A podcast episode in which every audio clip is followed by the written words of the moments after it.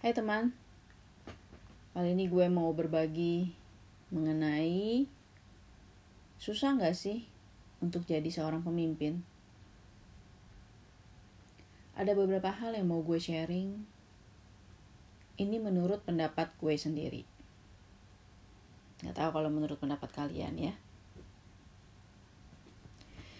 Yang pertama, jika ingin menjadi seorang pemimpin, Jangan selalu melihat ke atas, tapi lihatlah ke bawah. Tahu artinya? Jangan selalu berpatokan pada bos yang ada di atas. Tapi lihatlah juga ke bawah. Apa yang anak buah inginkan, apa yang anak buah ingin katakan, apa yang anak buah rasakan. Dengarkan dengan baik. Cerna dan pikirkan. Jangan selalu mengikuti apa yang ada di atas, katakan. Memang kita digaji oleh bos ataupun owner yang di atas. Tapi mereka juga manusia, di mana mereka juga mendengarkan apa yang kita sampaikan dengan baik. Gue percaya tidak ada yang namanya bos ataupun owner yang akan merusak ataupun menghancurkan anak buahnya sendiri. Mereka pasti akan bersedia mendengarkan selama kita memberikan pendapat yang baik ataupun saran. Tetap ya, balik lagi keputusan di manajemen. Oke, itu yang pertama. Jangan selalu melihat ke atas tapi lihat juga ke bawah. Yang kedua, jangan malu bertanya. Ngerasa gue kan udah jadi pimpinan lo orang. Ngapain gue mesti dengerin lo orang? Lo orang cuma anak buah. No itu salah. Apalagi terutama kita sebagai orang baru misalnya nih kita melamar ke suatu pekerjaan baru kemudian kita sudah menjadi langsung pimpinan di mana anak buah kita itu semua adalah orang-orang lama. Apa yang harus kalian lakukan Bertanya dong pasti. Gak mungkin kalian masuk ke suatu perusahaan baru kemudian kalian lakukan apa pun yang kalian mau. Sedikit-sedikit tanyanya ke bos, sedikit-sedikit tanyanya ke bos. Bos gaji pimpinan, bos gaji kalian sebagai seorang pimpinan. Kalau semuanya nanya ke bos, bosnya aja sekalian turun, kalian gak usah jadi pimpinan. Bertanyalah pada anak buah, bagaimana caranya, diskusi, bertanya pada bawahan itu bukan berarti sebagai seorang pimpinan itu akan dianggap bodoh. Tapi itu secara tidak langsung kita mendengarkan pendapat mereka, kita sharing. Dan itu akan lebih dihargai oleh bawahan kalian. Percayalah. Jangan selalu berpegang pada pendapat sendiri, tidak mau bertanya ada sesuatu yang kita bingung dalam soal pekerjaan, bertanyalah. Tapi satu hal, sebagai seorang pimpinan harus tahu apa yang bisa dibagi ke bawahan, informasinya, ada juga yang tidak bisa dibagi ke bawahan. Itu juga harus tahu, jangan semua hal di-share begitu aja. Tapi juga jangan semua hal disimpan sendiri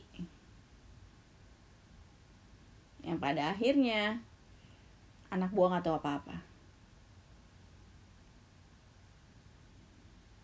Oke, itu namanya jangan malu bertanya atau jangan sungkan bertanya.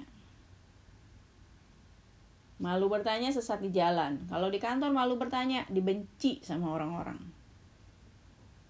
Ngerasa dirinya pinter. Yang akhirnya orang-orang cuma bilang, sok pinter loh. Padahal nggak tahu apa-apa.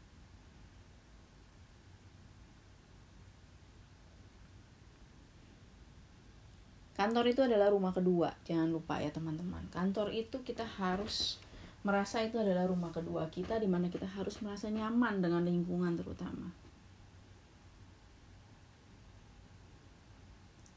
Oke, sekarang yang ketiga. Sebagai seorang pemimpin juga harus berbesar hati atau berlapang dada. jangan ngerasa sirik ngerasa sentimen sama anak buah sendiri itu pimpinannya gila namanya stres dia kalau memang anak buahnya memberikan saran yang lebih baik dalam suatu masalah kenapa enggak toh sebagai seorang pimpinan juga seharusnya mencerna dulu bukannya menelan bulat-bulat semua saran yang diberikan oleh anak buah. Bener kan? Jadi nggak usah takut kalau memang anak buah kita merasa anak buah, oh ternyata dia lebih baik daripada gue. Bukan berarti kita langsung ngomong sama si bos. Bos anak buah gue lebih baik gantiin deh. Dia gantiin gue aja. Bukan begitu. Kesempatan yang diberikan sebagai seorang pimpinan itu harus dipergunakan dengan baik. Di saat kita melihat ada anak buah yang memang lebih baik dari kita, belajarlah. Ambil ilmunya lebih baik, kita bisa lebih baik lagi. Posisi kita sudah di atas, kita punya kelebihan. Tapi di saat ada orang lain punya kelebihan yang tidak kita miliki, belajarlah dari mereka. Itu yang paling penting. Sekarang yang keempat.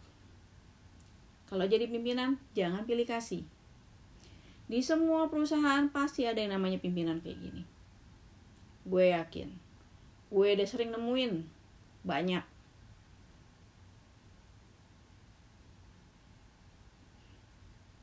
Sekarang bayangin aja ya. Kalian juga pasti tahu. Kalian juga pasti ngerasain. Kenapa yang lebih males bisa lebih dia pilih daripada yang lebih rajin. Jelas-jelas dia males. Tapi kenapa bisa lebih disayang? Semuanya diutamakan untuk si malas. Yang rajin dikesampingkan. Apa adanya aja biasa. Mungkin karena dia ganteng, mungkin karena dia cantik, mungkin karena dia nurut, mungkin karena dia selalu mau disuruh-suruh, mungkin dia selalu berkata iya pada setiap perkataannya yang diucapkan. Gue juga gak ngerti. Di sini berarti dia sudah main yang namanya urusan pribadi, bukan urusan pekerjaan.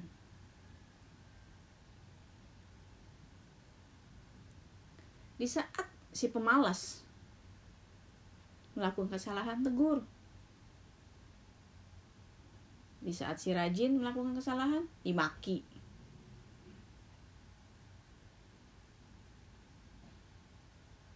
buat gue itu enggak enggak banget. Jadi seorang pemimpin harus bisa melihat dan memilah yang mana yang baik dan yang mana yang buruk.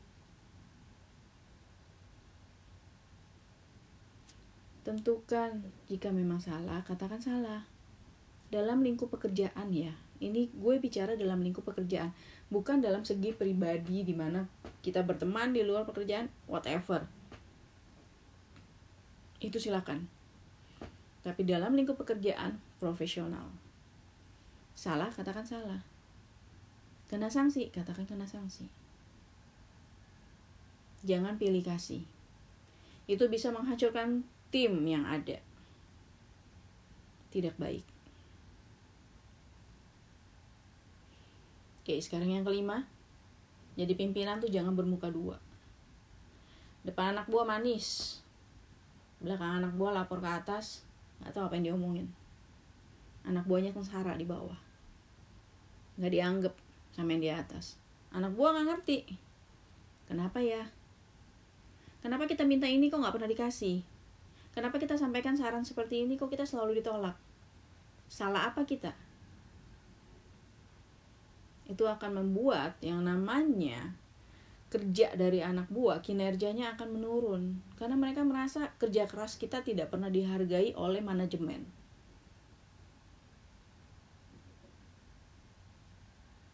Jangan bermuka dua seperti itu.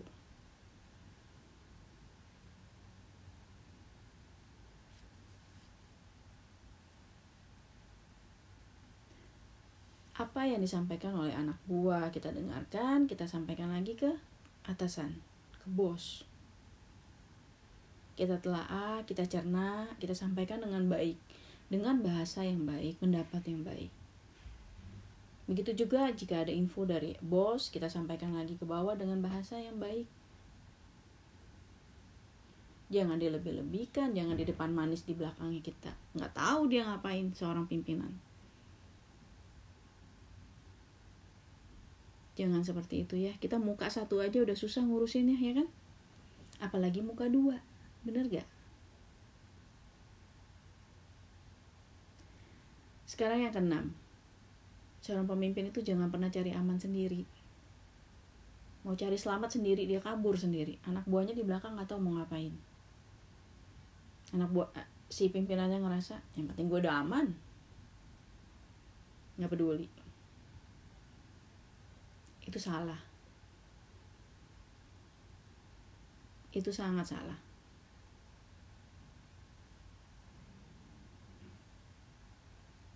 dia buka keburukannya anak buahnya. Karena dia merasa bukan salah gue. Itu salah anak buah gue.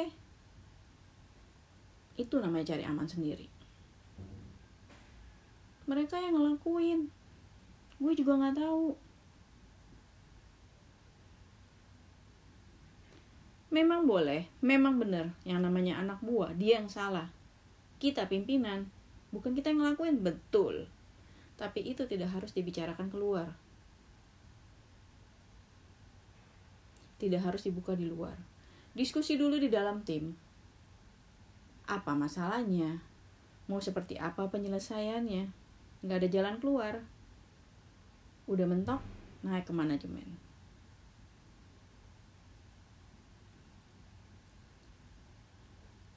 Itu yang namanya cari selamat sama-sama bukan cari si aman sendirian.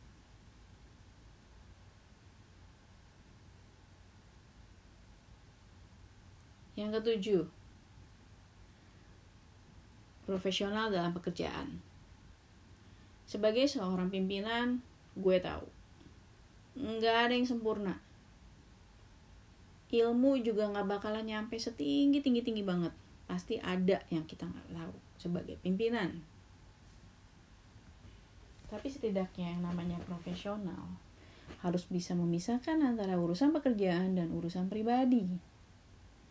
Bertanyalah dan berbicaralah dalam konteks pekerjaan, bukan pribadi dibawa-bawa.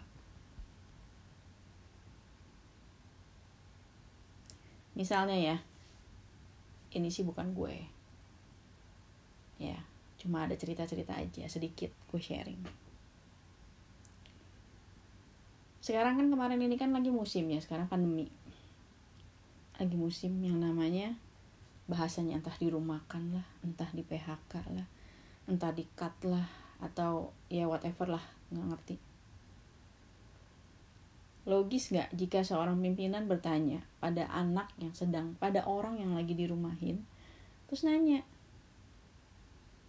Sebelumnya nih atau lagi mau dipecat atau apalah whatever. Masalah nggak sama istri kamu atau suami kamu? Buat gue buat gue ya jujur. Ini gue cuma dengar cerita orang aja dia cuma cerita aja seperti itu gitu loh gue cuma sampaikan aja ini menurut gue itu nggak logis semua orang pasti masalah ini corona udah berapa bulan penghasilan semua berkurang, bahkan ada yang tidak ada penghasilan sama sekali. Itu pasti masalah dampaknya besar ke keluarga. Karena menyangkut masalah ekonomi. Tolong, kalau sebagai pimpinan jangan pernah bertanya hal seperti itu. Itu udah bukan di ranah di ranah pekerjaan lagi. Sekali keputusan itu keluar, itu udah keputusan manajemen kalau orang itu bilang, saya masalah. Apa kamu sebagai pimpinan bisa membantu? Apa jawaban teman-teman? Malu kan ditanya balik begitu. Jadi mendingan profesional aja. Ya, jangan sotoy, jangan ikut campur urusan pribadi orang. biarkan apa adanya sampaikan sesuai dengan ranah lingkup pekerjaan dan manajemen. Itu aja. Profesional. Sekarang yang kedelapan kalau menurut gue ini yang terakhir tapi kalau menurut teman-teman masih ada segi yang tidak baik jangan ditiru. Diambil aja segi positifnya negatifnya dibuang. Yang kedelapan ini sebenarnya adalah yang paling penting dari semuanya. Komunikasi. Tanpa komunikasi yang baik tidak akan pernah ada kerjasama yang baik di suatu perusahaan. Bener kan? Sekarang kalau pimpinannya ngomong ke atas. Terus disampaikannya B ke anak buah. Itu bukannya jadinya ayam sama bebek lagi ngomong. Atau misalnya pimpinannya disampaikan apa dari atas ya dia diem aja. Anak buahnya bingung dong. Ada berita apa ya? Ada info apa ya? Akhirnya timbullah yang namanya gosip. Itu kenapa yang namanya gosip di kantor bisa terjadi seperti itu. Tidak ada komunikasi. Cari tahu sendiri semuanya dari divisi lain, dari uh, cabang lain mungkin dari mana lah. Cari tahu, simpang siur beritanya yang masuk. Pikiran udah pada pusing, kalut. Kerja udah mulai nggak bener. Pimpinannya cuek aja pimpinannya ngerasa gue udah sampein kok padahal yang disampaikannya salah teman-teman.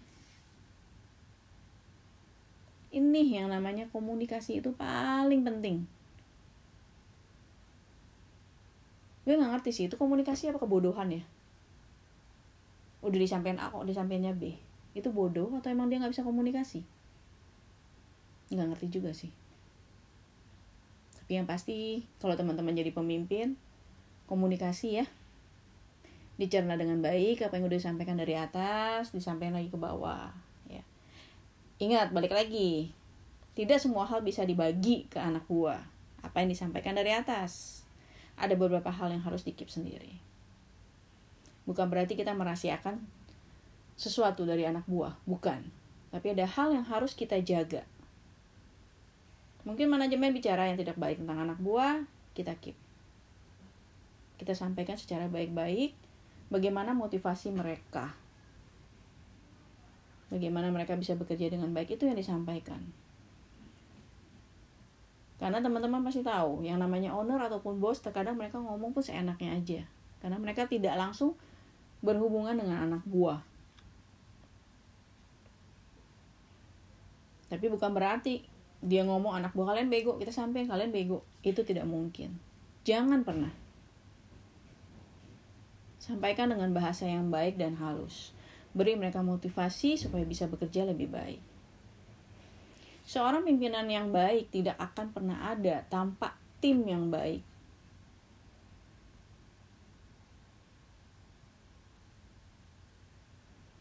Dan kalian, jika mau jadi seorang pemimpin, nggak akan bisa jadi pemimpin kalau nggak punya anak buah.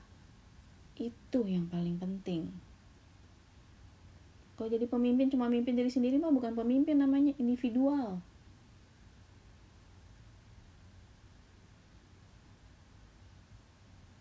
Jadi teman-teman, ini yang bisa gue sharing. Ya memang mungkin ada beberapa pengalaman dari gue dan juga dari teman-teman gue yang lain. Gue coba sharing ke kalian. Ya jika kalian mempunyai hal yang lebih baik, yang lebih positif untuk menjadi seorang pemimpin, lakukan. Jangan pernah takut untuk menjadi seorang pemimpin. Segala sesuatu itu pasti ada resikonya, pasti ada masalahnya. Tapi bagaimana cara kita menyelesaikan masalah itu yang paling penting. Bukan fokus di masalah itu, tapi cara penyelesaian masalah.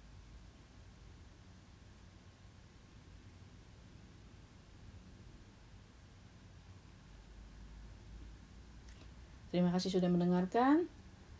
Sampai jumpa. Sampai ketemu lagi di podcast berikutnya. Terima kasih.